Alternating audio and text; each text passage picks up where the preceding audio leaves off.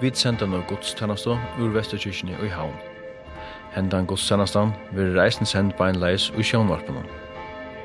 Salmaner og sunkner vera ero, fire pratiko, nummer 220, nå skuiner sjål ut urt og mette, og 600, stør er til trofeste. Og etter pratiko, 231, vid halkan anta bia nu. Og salmaner var 220, 600 og 231. Jekvan Fruriksson, bispo pratikar, Herman Andreasson er reknor, vi orkle sitter Jekvan Thomsen, og klokkare er Eifen Magnussen. Torsanna mannskjør, vi Jon Festersteine som kjørleiere framføra. Tøkninger i kyrkjene er Høgne Reiner Hansen.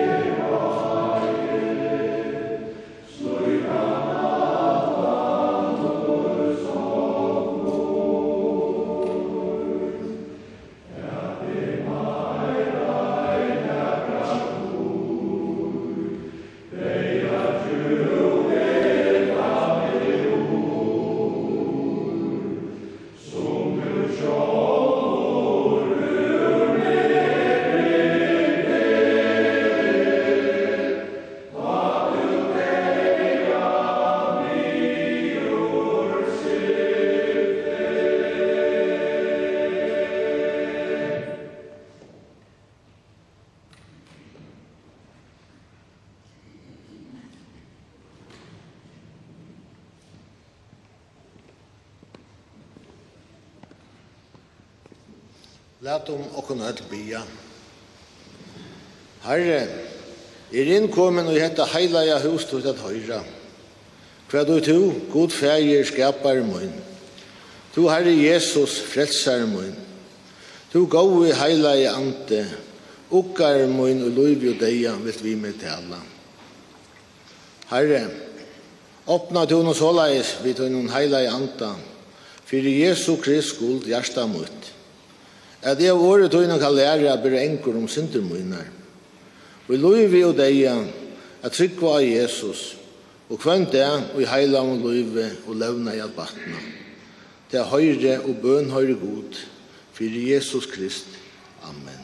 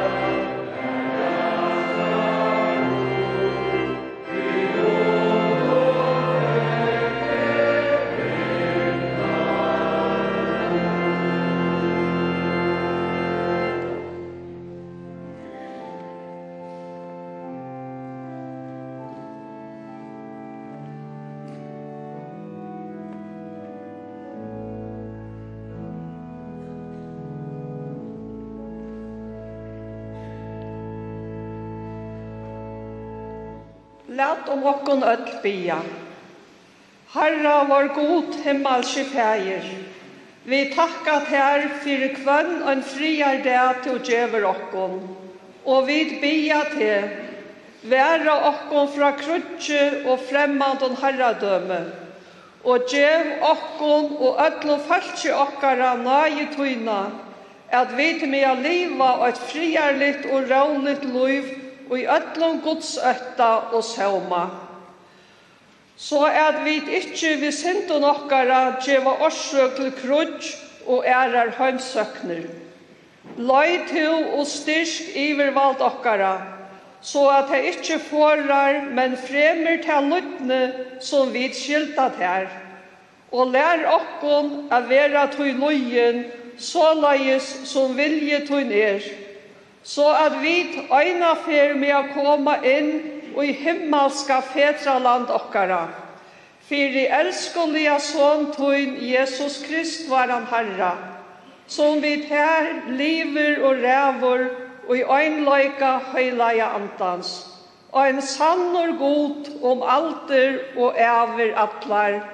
Amen.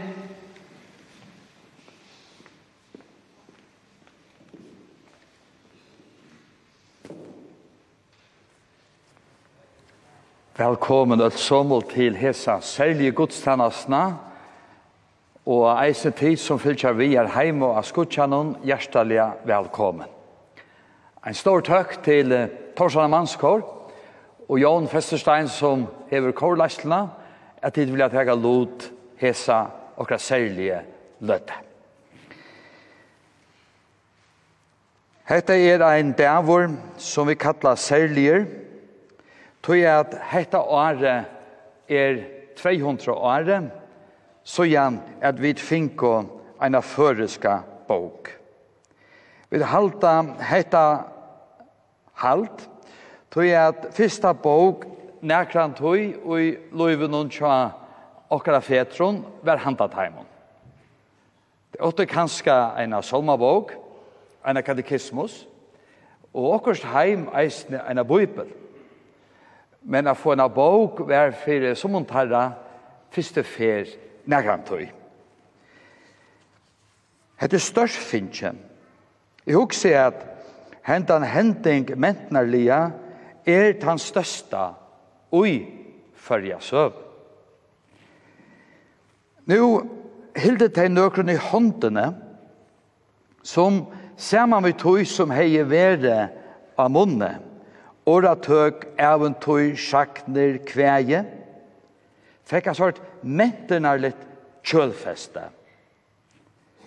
Et grunntallet som öll år og hotøk kunne og alle tarra altargamle arver saunast og Bogen var ikke som så kommet til landet men bogen av føreskon var kommet. Krisha Matras, professor, sier om utgavene om føreske bog veit ettertøyen er skrøter vi hesson verste leie støye under førest bogamal. Og i bogene heva folkasløyene funnet seg selv. Sunn samleika, sunn i vire, sunnar hatøyer.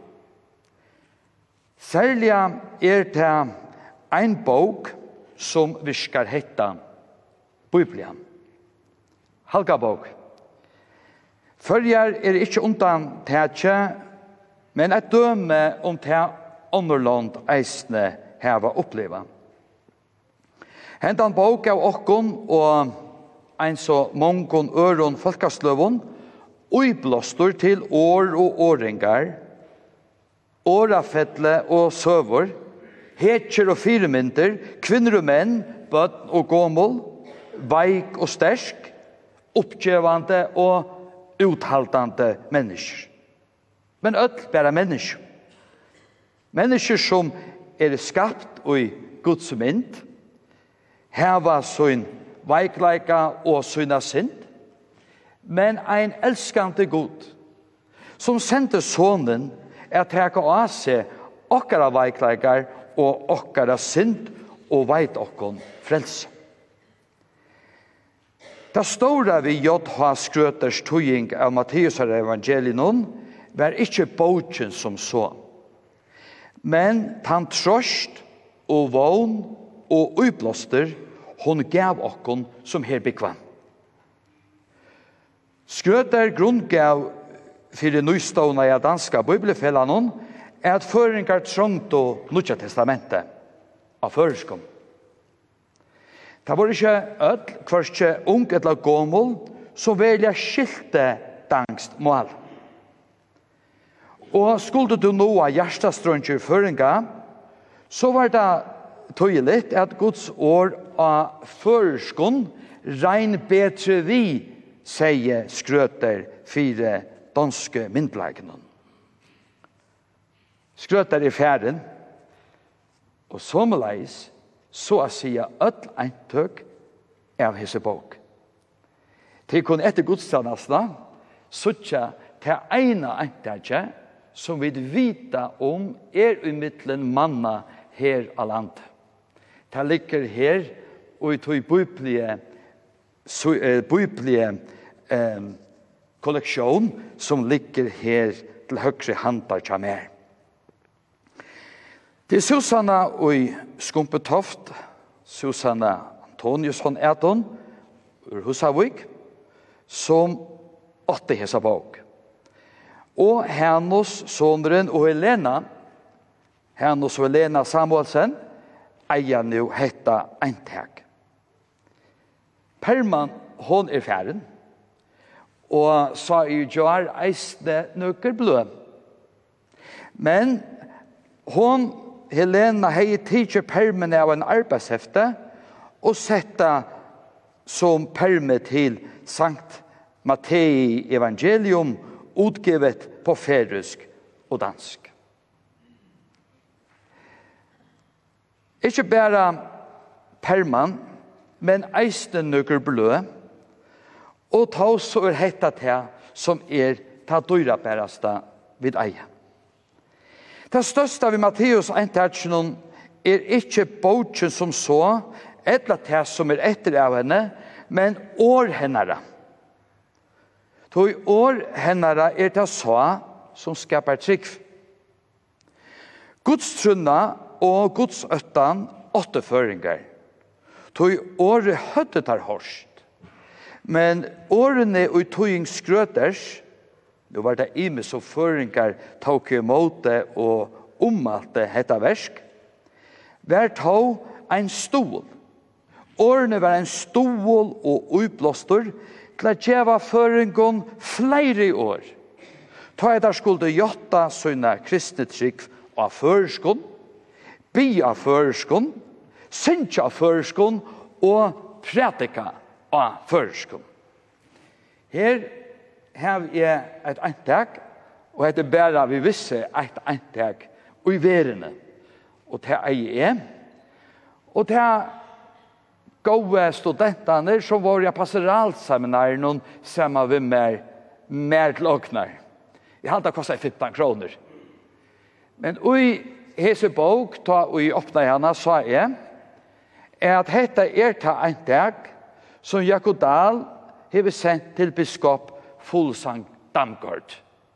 Den kjente biskopen som tørte at tåsa torskaren og måte under settene hemsberdige.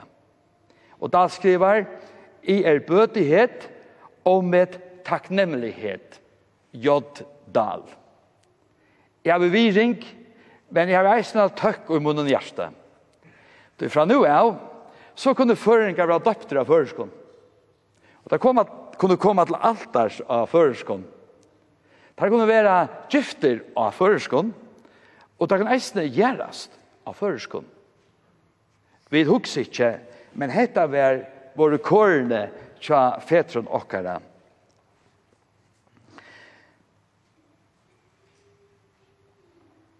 Det som vi har i kyrkjene her, er ein biblikolleksjon som Peter Marsten Petersen hever sauna i flere år. Han var lærare i Fuklafire og i nekv år. Og kunne tid sleppa iver her at blia. Og han hever sagt at han sier ikkje blia årsaka, men hitja. Og han nevnte hetta, her er ikkje kaffekoppen eller tekoppen bantja. Så her var vi tvinget her vi eisne. Men velkommen er forvittnast, og hitje etter taimon lusingon som er at taimon boken som her er. Det er ein bok som skærer fram ur. Det er Matteus evangeliet etter skrødder. Kvoi? Det er ta minsta av ödlo boko som er ere, eisne ta mest slittna.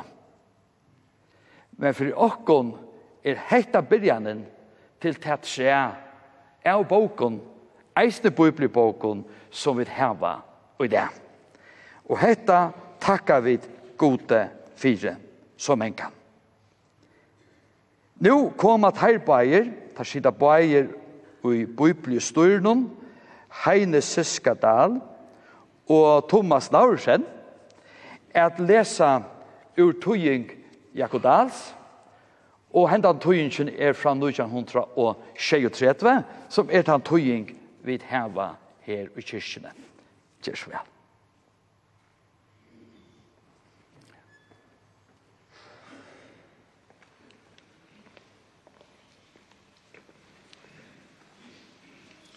Hendan høylaja lesteren skrivar Amos profeter.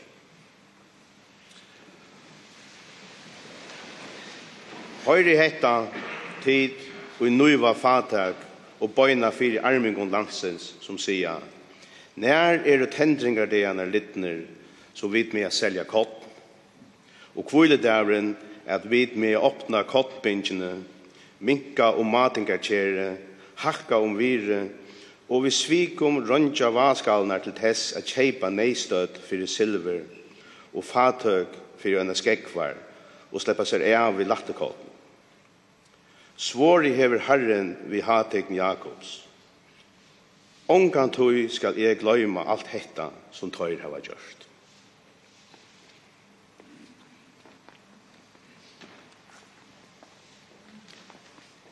Epistelen skriver Paulus apostel til Filippemanna og i tria kapitlet versene 16 og ut.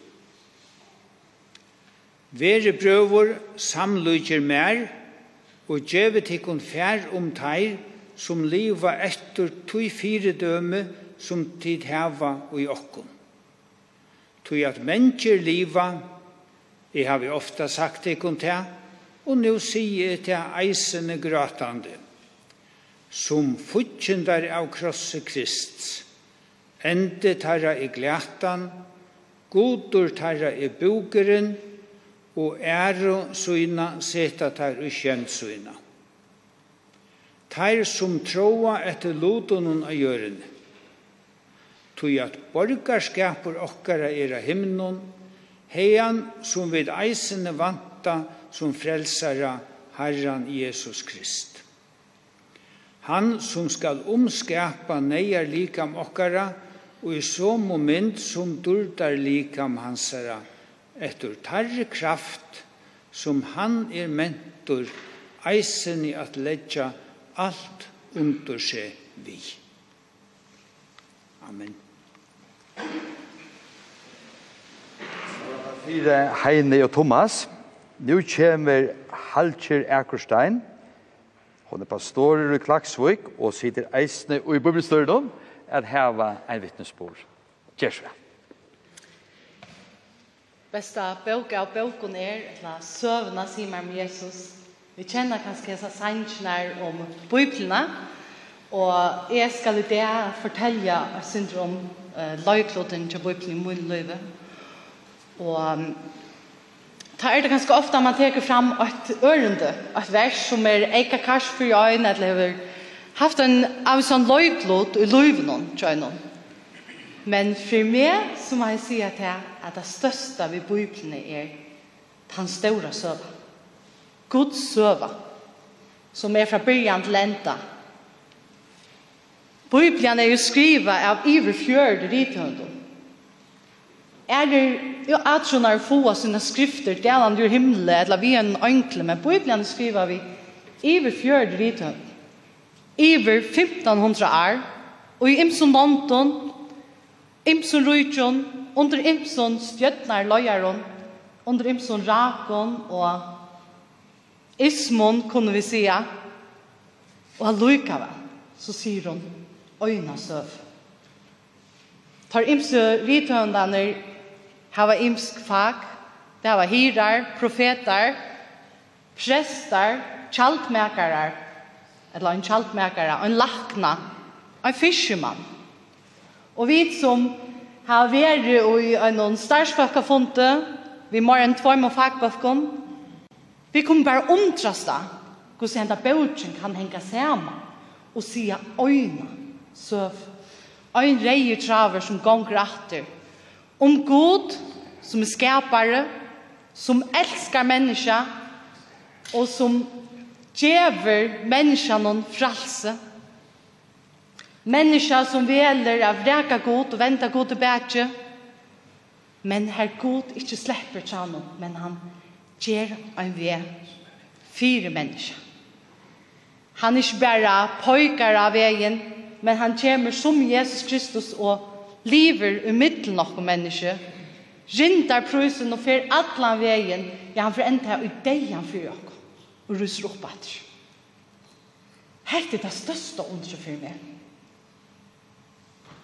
öll hendan bøtjen, öll hendan søve. Bare for jeg gjeva åkt døme, så kan jeg fortelle at ønsk med at Dr. Peter Stoner rønde øyne for at at uh, rokna sannløytjentene fire at et menneske kunne oppfylla til messianske profetien i gammalsmentet. Altså det er gammalsmette som hever iver 300 profetier om messias som skal komme. Det er profetien er givet i over 1200 år. Jesus kommer og oppfyller öll de 300, iver 300.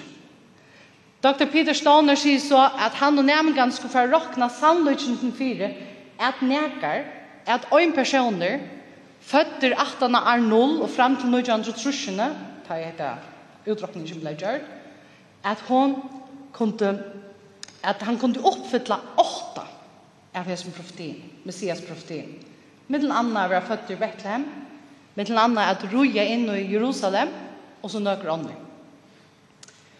Og ta der litt mer råkna, ta koma der til et tal, som er utropelt tro på si, vi men til sannløgjen er i øyn, ut av, og så et åkt tal, vi sier ikke av nullen.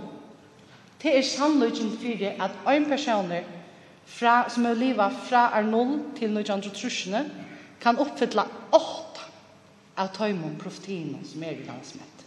Og allukka så oppfyllte Jesus Kristus iver trunja, de öll de iver trunja, Messias profetien.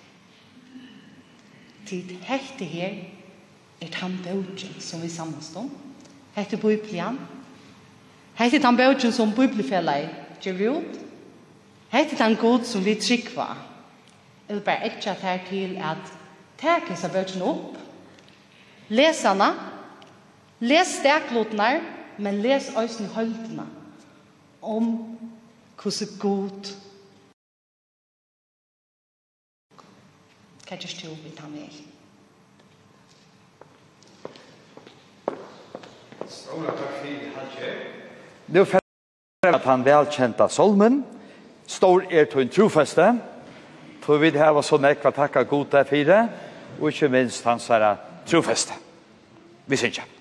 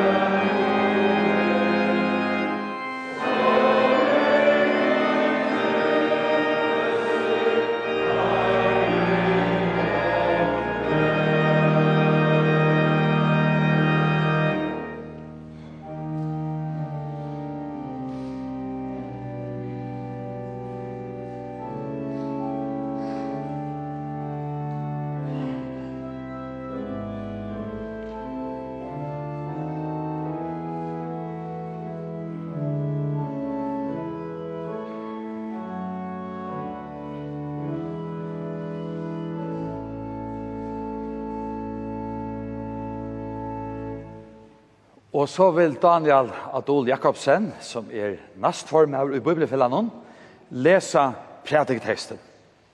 Gjør så vel. Hetta heilaja evangeliet skriver Matteus evangelister i kapittel 22 fra versen 15 til 22 og ljóa i Jesu navn.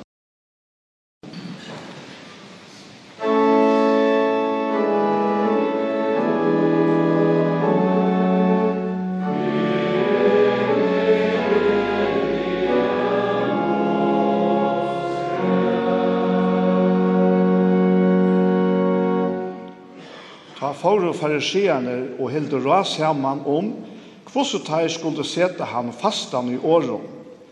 Og der sendte til hans lærersvenner ser man vi Herodsamonnen og sier, Mestere, vi vita at du er sannårar, og at du lærer Guds ved i sannleika, og ikkje fyrnas fyrir nøkron, tog at du gjerst ikkje mannamor. Si okon tog, hva heldur du? Er det beint at gjalda keisaren og skatt, eller ikkje. Men Jesus gruna i ilskap tarra og seia, tikkara falsarar, hvor fresta til meg, syne meg skattapenningen. Men der finke honom ein, ein denar, og Jesus sier vitt der, hvers mynd og iverskrift er hetta. Der sier keiserans.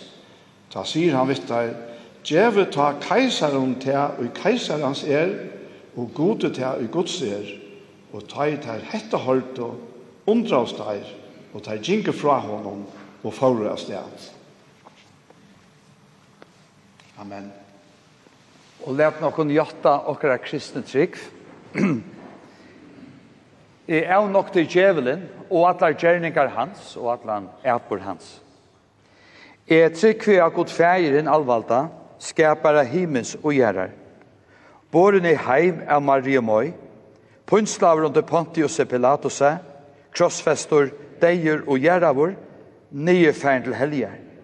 Tria dagen stein opp fra deion, færen til himmels, sidan det vi høyre hånd Guds fægersins alvalda, hian i han kjemur er døma livande og deg. Og av heilean anda, eina heilaja allmenna kyrkjo. Samfellet er av heilavo, fyrirgjøving sindana, oppreisen ligamsens, og loiv om altor og æver.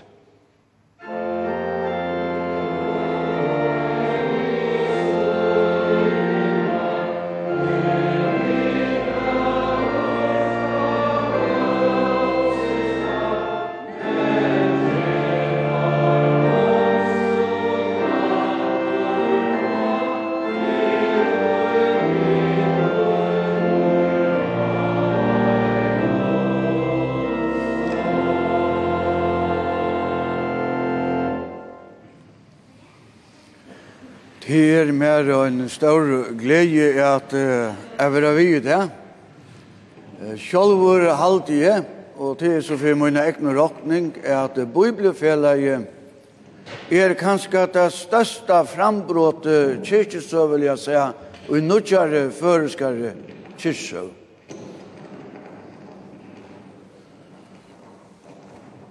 Det er også nå i Bibelfellet som du hører det er, og Vi kvart kurla tranum, det skrevar vi alle føren.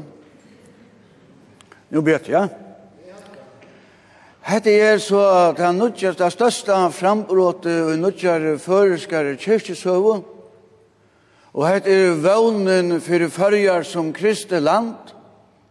Jeg vet og i imiskun kyrkjon og samkommun, vi imiskare troar bakgrund, standa saman om grunddokumentet, tja kristne og trunne, som er biblian og der høyla og skriftene er vi standa saman og i anda og sannlaga. Hette er veveren fram etter, annars er det over and out. Til det så vidt jeg finner jeg vita i skriftene. Hette er det som arbeider og fløyer i ånder og Og vi kvart sitter man så overlig at man slipper fra arbeid, jeg bare fylgjer vi. Og i navnet Fægisens og Sonarens og Heilige Antans. Nå begynner den halva prætikan, tog rujtje kajsarans, har vi sleppt opp av fjall og Jesu prætikene. Ikke nek om rujtje kajsarans. Kajsarans. Kristnen hefur finnst jo allagt at teka jörina og alvara. Toi luive er dyra bast og give av gode. Luive er ein guds gava og vid mia kipa så fyri a gjerra luive fær bestu samtidig. Og i gamla testamentet sutja vi a god innsette høvdingar og kongar til þess at tritja falskjennom gauar karmar. A Jesu døvun var samfellaskipan en ørvise, til kongadøme var fatle, og landet var hertig av rømmerjun. Sjalt undan den samfellaslige karmeren var brottor, våre årene og i årtøken om galdante, rattvise og ratt at inna, te herran og lykar.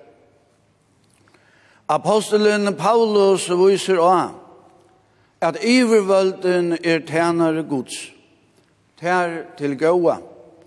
Ivervølden råsar tøy og godt er, og hon, og, hon, og hon revsar det, og i revseverst er, altså råsar og revsar.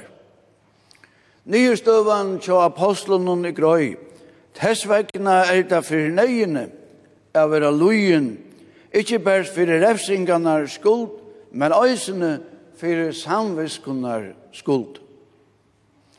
Og vi var høyre snakka av hese alda gamle hoksane og i svære Jesu til farisianar ta det rønt og jeg seta han fastan. Farisierne spurt og hentet han spurningen Er det rett at gjalta skøys køysaren og skatt eller ikkje. Sverige så var stort. Djeve ta køysaren om te, og i køysaren ser, og gode te, og i god ser. Sverige er grått og sypar til at køysaren som ivervöld hever gaglige averskan av gerantestegjen. Skipa vi skifte frier og rattfer er og gaglige. Hetta sampakkar vel vi åren om av vid som kristen.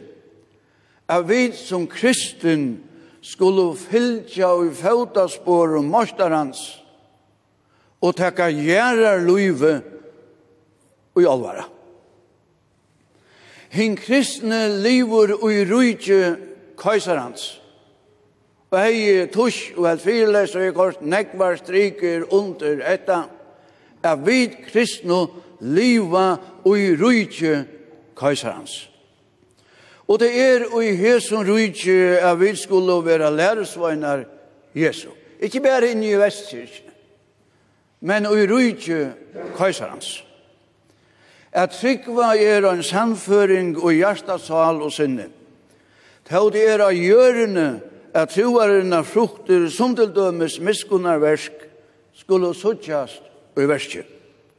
Jøren skal merkja avvøkstor andans, og gjør kærløytje, gleie, friur, lengmå, milde, gauild, troskapur, spekføre og fraal. Og her nekva hesson manglar ui er høykkale. Hette er oppskriften. Ui rujtje kajsarans byggva vi til den øyne ståret det Ta Jesus kjemur attor av skudtjon himmelsens, at ekkar sunni heim i rujtje, etla vi sjolv få a fyrra på og vera kalla heim etla til kultar. Hittja vid at uh, i kyrkjesøvenas hast a kristnen til tøyer hever haft a fætan at vi ikkje skulle teka jörna og i alvara til hon er verslig. Øysen hevet han fætanen til tøye vir råande middelen kristen, a gjerra løyvi er øynans og mittlom bil. En parentes, inntil da fullkomna rujtje kjemur. Og i høvespresta bønn tja Jesus, som er mot troarinnar personliga, troarinnar fundament fyrir munnen kristna virksomhet, høvesprest av bønnen og Johannes evangelium, sier han. Ta Jesus talar om sina borsterfer, sier han nekliga. Han byr så inneliga om. Fyrir seg sjálfum. Han byr så inneliga fyrir seg sjálfum. Han byr fyrir lærersvøgnen og tøymen som vi glede bådskapen om koma til trygg. Inneliga vir vust av at det er av hjørnet ut tu gjerlige, ut i verslige, er at vi som kristin skulle liva i årsens sannløyga. Jesus sier vi fægesøyn, og jeg leser, men nu sier Jesus, men nu kom jeg til døgn, og hekta tale jeg i heimenon, til tess at jeg skulle hava glede mine fullkomna ui seg sjolvun. Jeg har givet heimen året ut, og heimeren hever hættet høyr. Så kom de spørsmål, hva er det for avråkning til fåa? Heimeren hever hættet høyr. Og hættar åndjetikken stor halkjall. Onkur må hæta tikkun om det skulle være rattarløy. Og heimeren hever hættat høyr. Tui at er er jo ikkje av heimen noen ans, og er ikkje er av heimen. Ikkje by om, og nu kjem det primera, ikkje by om at du skal teka dår bort ur, ur heimen noen, men at du skal varva ut at her fra de ytla. Tøyr er jo ikkje av heimen noen, og ans jo er ikkje er av heimen noen halka tøyr og sannløykan og årtutt er og årtutt er sannløyk. Hette sannløykan til forvalta saman vi no mongon øren folk om bibelfellet. Hette er ikkje bare året om god, hette er Guds år. Ans og to hever sendt meg i heimen, sier Jesus. Jesus vi færsøyn. Såleis er vi sendt tøyr i heimen, og jeg halte meg for, og jeg halte meg sjølvan for tøyr, til tess at tøyr øysene skulle være halgai. Og i rujtje kajsarans er jo de kristne som lærersvøynar, kattla er gjerra en gjerning og Jesu navnet. Og i trunne av Kristus liva vid og rujtje kajsarans, høyas vid ikkje er og øya vera av jesun høyme. Til moner og av vera ui høymen og så av vera av høymen Og i høymen skulle vi liva som godsbøtene halka og i årsen sannløyka. Apostelen hever øysen hesa amening. Tui gjalta tid jo øysen skatter, Tu tøyrir og tænarar Guds som særlige hava hetta i varvarslu. Gjald i öllum det som til skilda døymum, tøy skatt som skal hava skatt, tøy toll som skal hava toll, tøy øtta som skal hava øtta, og så det dyraste som vi absolutt ikkje mye gløyma nekran tøy. Tøy viring som skal hava viring. Og vi glömmer skatteoppgjør, ja, så kommer skatte for etter åkken. Det kommer ikke automatisk. Det er ikke minne om vi glömmer det. Men vi ringer för kvar öron må vi ikke glömma. Henne må vi ha intakta og vi vet i bibelhistorien og alla og kristna kyrkjer og sam vi ringina fyrir kvar Og det er som jeg sier, dvøle prætikan øyne mest, men hans høytna lyen og i dobbelt av svære Jesu. Djevet av køyseren til og i køyseren sier, og god til og i god sier. Halka og i årsens handløyga finner vi svære vi høyla i andans hjelp og kraft. Hva skulle vi djeva god til? Hva skulle vi djeva god og han sjolver ikkje megnar a få fætra? Hva skulle vi djeva god og hever elska okkum fra at uja grunnvøtlor heimsens verlagtor? Ja, det er godt at vi skulle djeva denne jólagav. Det så at vi klarer okkum menga fyrir i nakkan. Det er nøyringt at kjeipa et lands ekn. Hva skulle vi djeva god ta hugsa verur om god, Guds almo dord og gøsko. Ta hugsa verur om hans kærløyga og gavene at han gav heimen og einbarna sånn som, som frelsare fra synddomi og deia. Hvert skulle vi ta djeva gode. Apostelen kjente spurningene og mynte jo av at Guds kærløyge er seitan leis nei at ånden vi tjänast og kan gjøre seg verdan av møta gode. Hinvegin er tjänastan tutninga mykje, tog hon er troarinna frukt, og skal gagna kvarjon med menneskjon okkara ui rujtje kajsarans. Andans frukt, troarinna frukt, skal gagna med menneskjon okkara, ikkje bare vestkirkene, men ui rujtje køysarens. Og hon skal i rujtje køysarens vera gode til høyhus og er. Toi av nøye er til frelste vi trygg, Og det er ikkje tikkun a takka at hei er Guds gava, av gjerningun for at ånden skal råsa seg. Til jeg vet er og versk hans er å skapa i Kristi til gauargjerningar, hette er okkara primæra oppgava, okkara høvus setningur til virksomme og i rujtje kaisarans. Vi er å skapa i Kristi Jesus til gauargjerningar, som god framan undan hever kipa fyri, at vi skulle leggja okkun øyna vid tøymon. Som vers Guds og skapa i mynd hans her skulle vi bære livande gode hoalet offer. Hetta offer er andalig godstyrskan.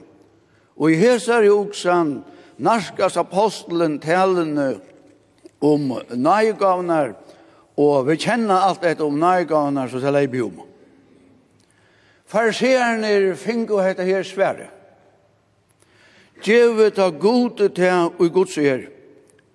Og vi kunne verilige spyrja, hva skal, eller hva skulle vi, og hva kunne vi djeva gode? Hva krever, eller vantaran av okkun? Den amerikanske læraren, Lissi Armond, grundar om henta spurningen, og hun finner og svær. Svær sampakkar vi talene om nøygavene, og vi da finner hver sånne leie så ime som vi er om. Og vi får lese salmennere og togjengene til en øren og heimelige lærere, Leif Hansen. Kvært. Og, og nå tid er det fremme for tøyene og hukse om jævlagavene.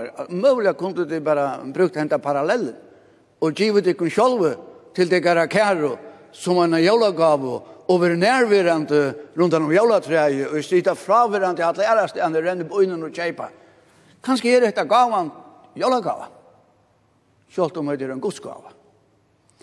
Hva skal jeg gjøre der, Herre? Hva skal jeg virke for til? Røyges dyrast og støynar, åpna der frelsunar ved. Hver skal djeva der herre, varrar er prysa der vi, føtur og genga Guds veier, salun til ukka og fri til heimleis. Salun til ukka og fri. Hva skal djeva der herre, Evigt er tjena ter vil. Elska til fylgja ter gjerra alt ui du kallar med til sjolboi arboi. Ta i nyrleie for å være sunnkje, eller vi synger det ikke, ta i nå for å lese nyrleie, så i livet. Ta i nyrleie for å være lise, er du ans og en høylaver Åpenbæra vår verløyke kom nyr iver med, og vånande kjemen nyr iver tekkun. Hvor er det? Ta færen god til, og i gods er. Langen ho medan vid, medan køysaren ræver av hjørne. Langen ho fær god til, medan køysaren lever, og ræver. Og medan vi sjálve leva og i rujtje køysarans. Jesus, Jesus med sjálvan, Jesus er sjálvan med djeve. Fatle og knæ fyrir tær. Tøyn er om æver vil vera blåtutt mer fressun av vann. Man er ikke okkur sværa henta om vi teka nyla i alvara. Eina fyrir vera vid leis, vid ajeriska, og koma heim ui durdina, heim ui ta underfotlo kongsborg, her Herren Kristus er kongur om avers. Vi kunne til ta tui, som kristen liva av, liva av gjørene, og fegnas om gjørene. Gjøren er praktfull, Hon er til vi gjør henne til, partvis.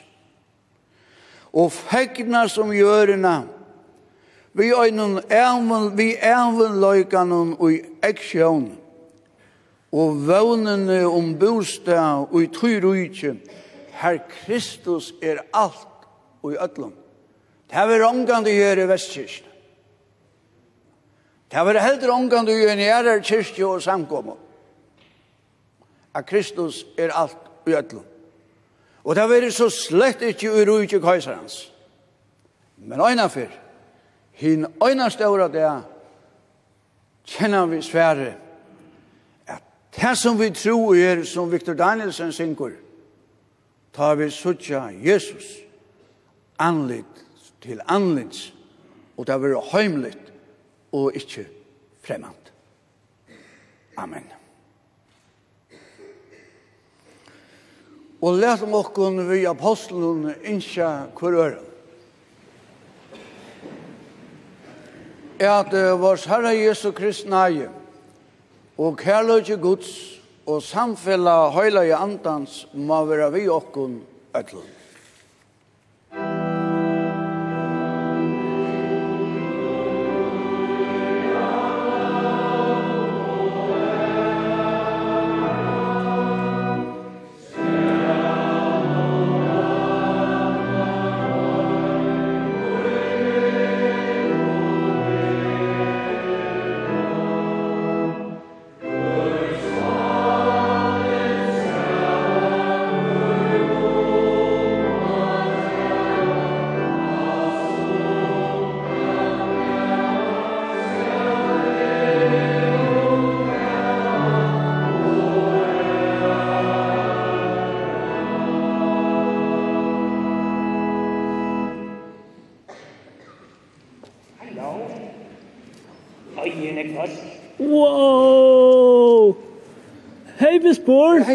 Er du her? Ja, jeg er kommet til kyrkjå. Det er det skilja godt. Ja, ja. men men det er et ting som, som er kjørte skilje vi prætingen kjørt her i dag. Ja, men så spørs du den rette. Hva skulle det være? Um, ja, men til å si at man skulle, altså, gjøre gode penger.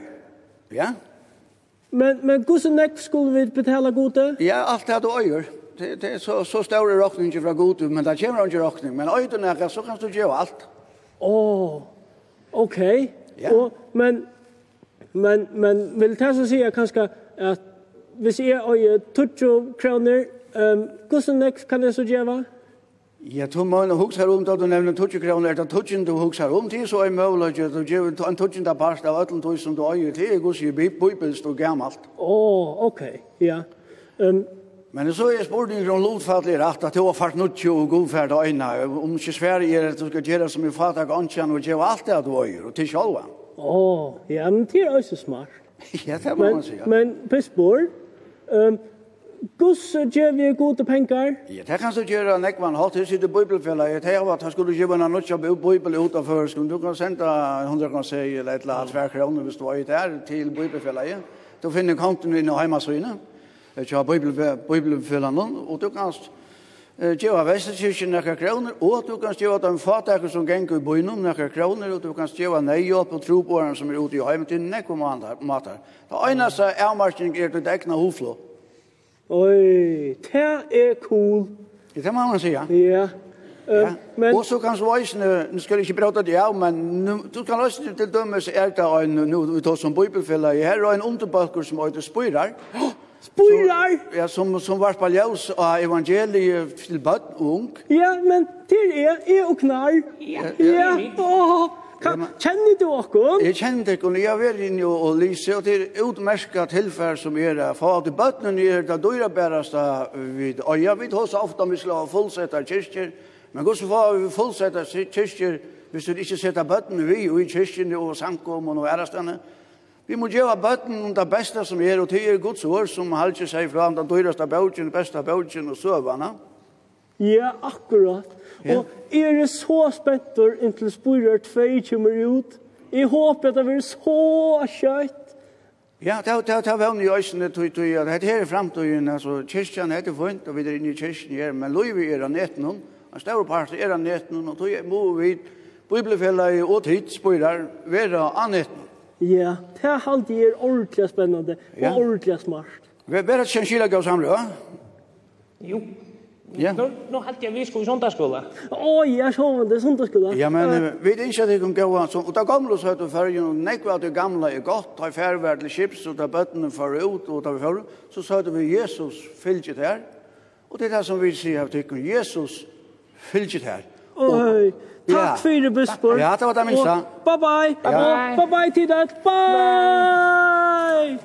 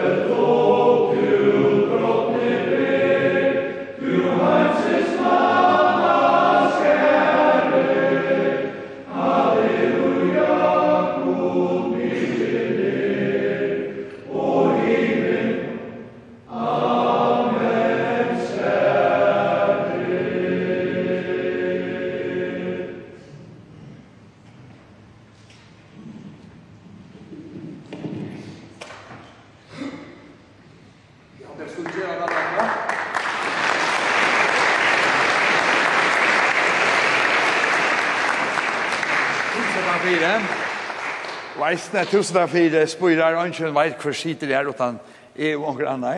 Hatt vært så godt kjatt heim og eisne. Stora takk for det. Nå finner vi vujer i skrånne, og skal det lykke, og er vi finner vujer skia, er at biskoper er ikke bare biskoper, han reisende fortsetter i bibelfellanen. Takk for det. Han stod, han tok sti til at få et føres bibelfellanen eh, ståna og skipa. Og i vidtøkene er eisende prosteren, for jeg proster, faster limer.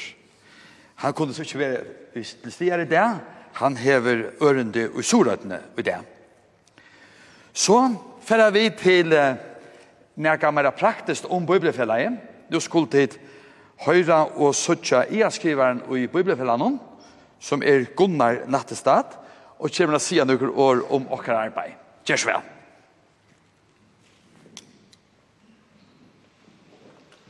Ja, takk for det. Sjera hon aldri suttja. Først skal Bibelfella i stående i 2012, men det har vi visket lukket innanfor det danske Bibelfella i, i Nekvar og Arntia. Bibelfella i heimen har sin opprån i en søve om en avalisisk agent som er Mary Jones, Og hon levde fyrir enn 200-300 år sjøgjane, og ta i hendene søva kom fram om Guds trobota vær, hevast hun arbeidde alt det hun kunde, og i seks år, så var det lykket ikke nok til å få en av Biblion. Og ta i man hørte disse søvn om henne, så får man ut av stående bibliefellet. Det første var det enska i 1804, og stått at han har flere andre bibliefellet. Og enda malet det er etter at djeva biblene ut til ødel. A byrja vi var da bæra i form av bøkken, akkurat så eisne som skrøter fikk til Matteus ut, tjøkken danska biblefellegi, men så vi er vi særlig oppi okkara tøy, så mest det eisne å leggja ting ut av nettet, og eisne at teka biblelesna opp som andre kunne lusta etter. Og alt hettar har tid til å vite møvelega til, at her inna heimasynet til biblefellegi, biblia.fo, Så her kan man lusta og fer inn og eina app her og tek han inn av telefonene. Det fabo som har en telefon. Til her vi har alltid fjåkon og tog kommer vi alltid lesa ut vi. Og i bøypene som vi har hørt og bare helger og bisp sier fra, så lærer vi nekka tøyande, nekka løvstøyande. Det eneste som kan føre oss i samband med god er det som vi leser om i bøypene, Jesus Kristus. Og i Bibelen lærer vi eisne at skikk og kompent. Det er bare ikke nok til å nå fram til god, men det er et innskje som god hever om at vi skulle ære han vidt her vi trykva av Jesus. Og det er da negv, negv mennesker som her var gjørst oppkjøkken heimsøvna. Negv var tog som vi hatt takka fyrir givet og i velferdarsamfunnet og i det. Det er bytjer av det som stender i Bibelen og det som Jesus har fortalt. Her er middelen er det her at vi sa nøye i for hver øron og at fire fyrirgjeva. Og Bibelen er opprunnen til middelen annet til at vi visa nasta kærlega, at jeg kan gå ned hver øron og fire fyrirgjeva hver øron, og at vi har vært til dømme sjukre hus, badnagerer, avvendinger heim, etles heim, ja, skoler, Det bygger alt ut fra bøyblene, og er reisende herfra at folk er byrja at ståna skolar og etlesheim og sjukhus. Ja, eisne okkara rattarskipan hever sitt grunn, sin grunnvøll og i tog som stendur i bøyblene. At vi hava bruk for at hava vittner til det som vi påstand nokre andre hever gjørst eller sagt. Det kommer eisne i bøyblene. Og tog hevda avgjørende tøytning eisne i 2023 at vi lesa Bibelna og teka det til okkon vi Guds kraft og heile andans velæging. Vi arbeider nå, som eisen ble sagt, vi en nødgjere bibelomsetting. Det er han Sjakko Johansen, fyrværende biskop på Sjale, som byrja i at omsetta, og David Johansen hever omsett solmanar ut i nødgjare og hana vana og bia vid om at vi får beie futjarlian stol og andalian stol til å få henne ut i nasta år. Vånande sent i nasta år. Bibelfellet hever eisende stol i samband med det som vi så her oppe i noen spyrer, som er faktisk ein sundagsskole av neten om vi bæger sanje og lærer og sjønvarspe, altså at det er eh, teknefilmer og leiker ute i. Så her har du hatt lesa meir om det, fer inn at det som eitur spyrer, spirar.fo, så får de meira at lesa og eisne av vysa bøttene. Som de har da, så er det eisne så lesne at Bibelen er opprunnen til at nekva finnes skriftmål, og så er svært eisne tjåkken. Det var Jøgnen skrøter at han omsetter i en tøy her, og ikke før skriftmål der, så omsetter han til det beste som han kunne til å ta, ta tøyer døv. Og så lest er det om atlan heim eisen i det, at ein større part av heimsens målen, de har finnet sitt skriftmål i djøknum til, at folk er fast, først ferdig ut av læra mål i dem, så har de gjørst et skriftmål og omsett bøyblene, og her vi får det ekgang til alt det skrivelige tilfellet som er til. Og det er ein fellesskap som eitir OBS, det er det som er kassene kommer fra. Vi tror og er og Berger og Amsterdam i Holland fyrir nokon vikon søgjane her samna oss 150 bibliefelle som 200 ein 250 land og vi møttes her til er cirka 15 kvart år bibliefellene til samans hava givi og stola under bibliefelle vi er 1,5 milliard søgjane 2016 given til fatak bibliefellene Og til saman så gjerne ta er omleit fær milliarder bibler eller parstar av biblene givnar ut til folk om allan heim. Bare i 2022 kom 126, 126 millioner skrifter eller heila bibler ut om Atlanheimsens land. Allikevel, selv om det er 3200 bibler i som ståra bøkasavnen som ligger av netten og OBS, Og det er 1938 imisk mål, som er skriftene er skriver her, så er det bare omlai helten av Ødlenheimsens målen som heva ein luttan pars av Bibelen. Og tog er helten etter en. Så tog er eisen bruk for stole, og til det som Bibelfellet i eisen røyner, senast år, så stola vi ukrainska Bibelfellene vi flere hundra tusen kroner. Og det kunne tid eisen være vidt til stola. Men særlig at det er å få av nødvendig Bibelen ut, Det vana vi at de vilja teka lika så vel under som det eisen gjørt og fyrr i fyrr i fyrr året. Da vi flei nekvar en million kom inn til arbeid.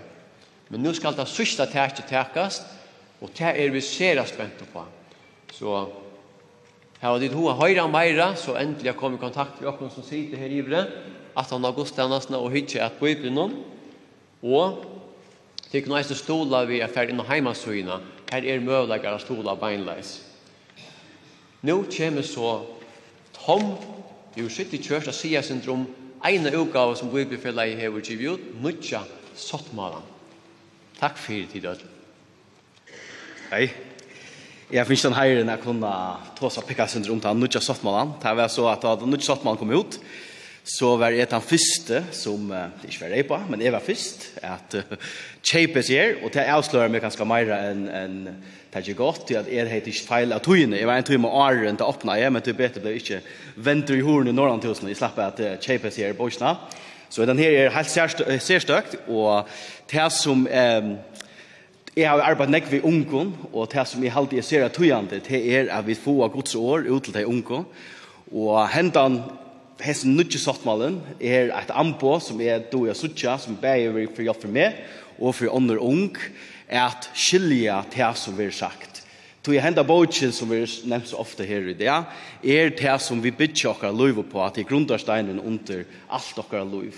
Så å kunne lese det av en måle, en, en gjerenslig måte, så vi får suttja hos kærlega til okkar og skilja det er sere, sere områdende. Til det som jeg trykker vi på, er at Lukas nek som vi lesa skriftene, Lukas nek som vi lesa Bibelene, så leser hon eisen i okkon, og hon brøyter okkon til, til skriften sier at hon er livande, og det er ikke bare vi som fytler okkara tankar vi det som hetta bogen handlar om, men hon ombrøyter okkon, hon seter livet til okkon saman, hon, hon gjer at alt gjever meining, så at kunna heva det og en gjerenslige måte er en sikning, og jeg vil sende en hjertens tøkk til Bibelfellet for dette megna arbeidet som de gjør, Det er sera, sera tøyande, og jeg var suttja at middel deg unge, og nu tar ein kanskje ein ein nudge for å komme, hvordan hvordan vi at det røkker, og, og hvordan han samtalen kan teka okken oppatter langer og vujere vi Jesus. Så stora, stora takk for det, tid og i bibelfellene, og stole endelig av hesson arbeid noen, til det er dette røkker sera, sera lengt.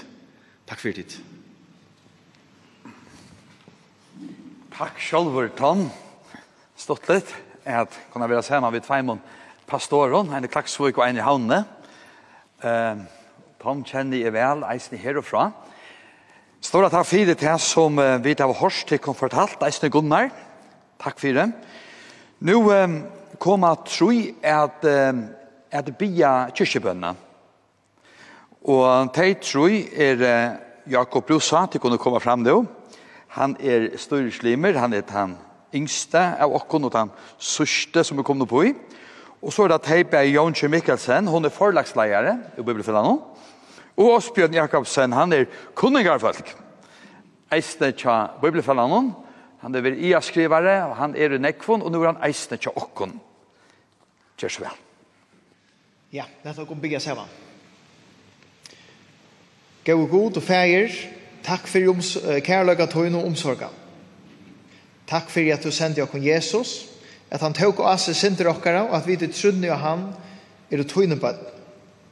Takk for fyringgjeving tøyne kvendt det, og hjelp oss nøysene av fyringgjeving tøymon som er møte i okkon synda. Takk for frukt og grønnmøte og alt som vekser. Takk for skoren i hest og for fisken av grunnen okkara. Hjelp oss at omsida okner okkara vel og gledelige djeva som nasta okkara trønger. Takk for land okkara og folk, Takk for at du over hilde tunna gau og stersk og hånd iver okkon, varst okkon, ment okkon og bygg vi okkon ut. Hjelp okkon at syna arbeid som tjau og i hamsamfellan.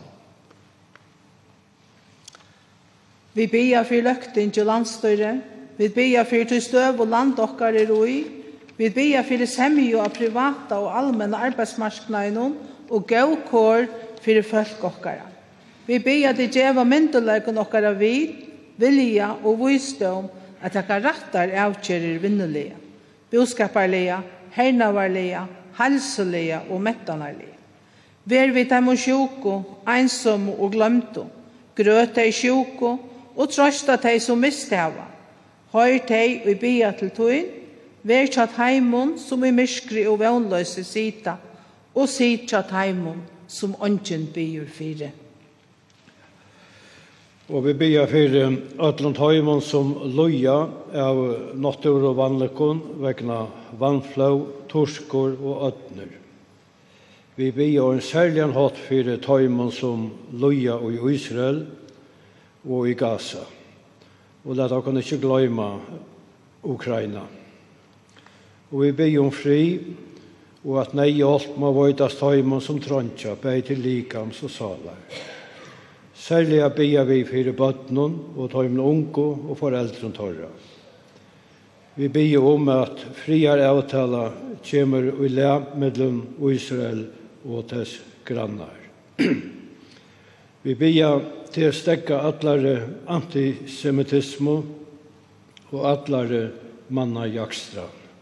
Gjev menneskjon fralse at tryggva, møyna og kipa seg etter sannføring og vi åpert fyrir myndeløykon og tær. Takk fyrir ditt år. Takk fyrir at du sendte profeter av båkon, at Messias, salva i tøyen, skulle komme. Takk fyrir at du sendte apostlarna, sendte apostlarna for at stedfesta at Jesus kom, at han døye og røys opp, at han lever og kommer atter. Takk fyrir at årtøyra var å skriva nyer, var å tøyt til andre mål, og nekv de fleste nå kunne lese om såntøyen, kærlegatøyen og frelsetøyene. Takk at Bibelfellet var stående, så at fer kom at høyinger arbeid, og takk at jeg tar skrøter for 200 år og så han kunne gjøre falt til okkara smertjen av tøynen høyla i året og okkara tungo. Takk at du gavst noen hosgått og arreie at tøya. Hevast mal dere ikkje fanns som skriftmal, og skolaskaperen her i landet var løytel. Takk fyrir vi og Hammersheim, hanskjólamennar og all dei som struttust og føresko og alle er fremme.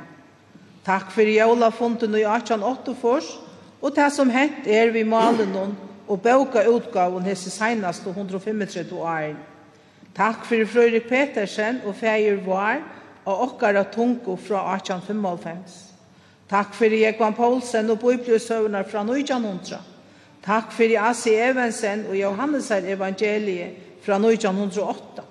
Takk fyrir Jakob Dahl og Viktor Danielsen og Nudja Testamentet og i tveimund utgaven av føreskon fra 1923. Takk fyrir öll Takk fyrir at öll biblian vi tøying Viktors kom ut og i 1924. Og takk fyrir tøying Christian Oswald Viderøs av meginparsten av Gamla Testamentet så vid eisne finko tøying hansara og dals fra 1931. Takk til Hera Trøndheim fyrir nutja sottmala fra 2016, og hjelp innom føreska bøybli og grunnen og føreska bøybli og felan og i arbeid okkara. Gjev okkon og i bøybli og felan og vysdom, donaska og stål at djeva tøyingina tja han Sjakko Johansen og David Johannesen ut. Takk fyrir öll teg som ikkje er å nevn, og som eisen heva virka og i bøybriutøying her av landet. Gåe god, let ødel folkasle få årtutt av søgnon male, sikna saman til bøybriufeløyene, Wycliffe, New Tribes, og ødel som tøya tøyt år til nødgjmal, så ødel folkasle kunne høyra om nøye og frelsetøyna og Jesus Kristi, Herre okkara og frelsara. Vi ber om at vi og alle folk må høyre til år og gjøre etter tog. Lat ljøse fra året tog noen skoina, og lat løyve og i året tog noen besta trygg og te, feir, sjåner og høyla og ante, og tænast og offer for nasta okkara. Ver vi kyrstjon og samkommun tog noen her landet og ötlun kristelige arbeid mellom baden og unge, Hjelp okkon som tilbya til at vira og elska öll menneskje og ikkje gløyma at vira og elska hver annan fyrst og fremst. Fyrir djeva okkon synder okkara og i struje som hever vere mittlen sistjentøyne, brøver og systrar, og hjelp okkon a vera vittni om at vi heva møtt kæra synetøynon og av glede om offer hans er av Golgata vilja bera ter birar to og åkom. Takk at to lekker åkom, takk at til to lekker åkom er lagt at bera ta i to ber åkom. Har vid letja land og falsk okkar og i tøynar hendur og bia om sikning iver åkom nødl. Takk at ta i båskaperen i boa vår ödlun, ta kjemme då attur, kære frelsare. Og vi bia, kom Herre Jesus, kom. Amen. Tætje måte sikning herrans. Herren var siknet til og varveide til.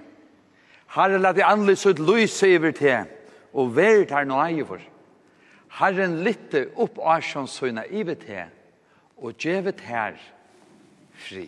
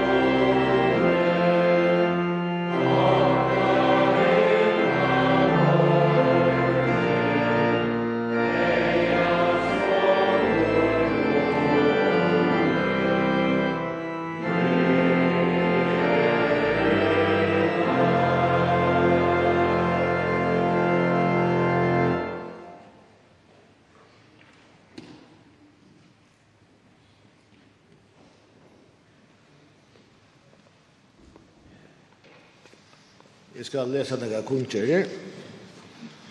Fra Meinjashusen. Sunnidag skole veri der klokken 14. Og av møte noen kvöld klokken 16.30 vi talar Eivind Morrison. Øtler er velkommen. Fra Misjonshusen og vi landavegin, møte veri kvöld klokken 18.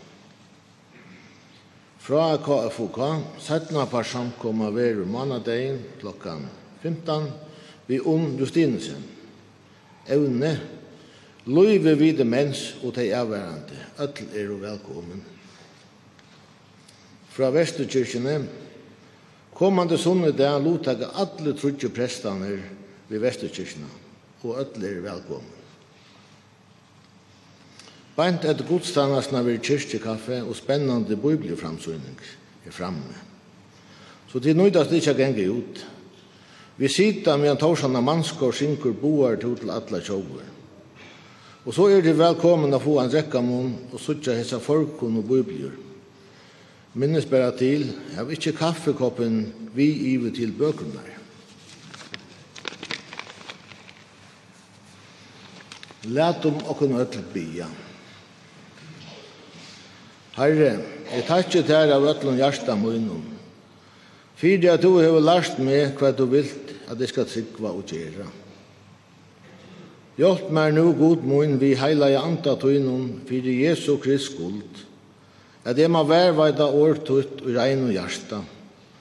Jeg tøy styrstja tøy trunne, og i heila mun levna i batna, og med vi ta og i luivi og deia uka.